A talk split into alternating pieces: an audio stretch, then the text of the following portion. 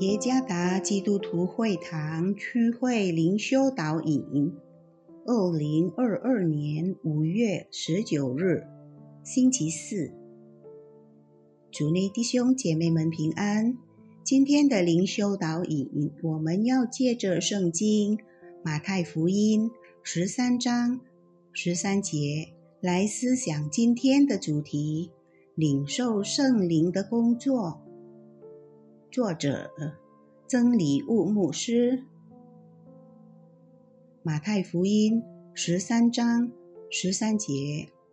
所以我用比喻对他们讲，是因他们看也看不见，听也听不见，也不明白。耶稣喜欢用比喻来教导，即使是。并不是每个人都能理解比喻的语言。难道耶稣没有考虑在教导时用通俗易懂的语言，会有更多人愿意成为他的门徒的可能性吗？这有可能也出现在门徒的脑海中，以至于他们直问耶稣。耶稣回答门徒的问题时说：“比喻强调天国的奥秘本质，只有某些人才能明白，也就是那些敞开心扉、按照神的旨意被塑造的人。神采取主动，人以信心回应。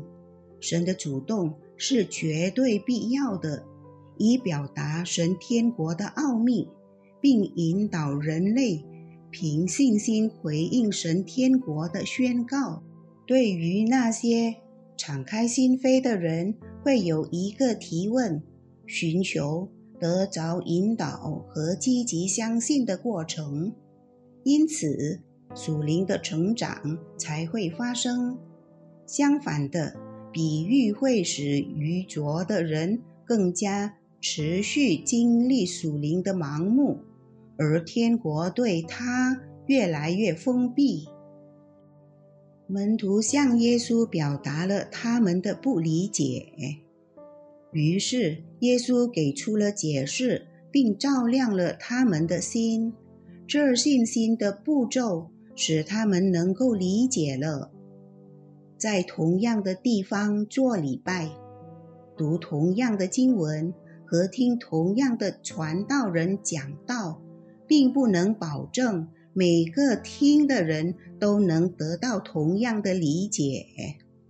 神话语的真理是启示给每一个愿意敞开心扉去接受的人之恩典。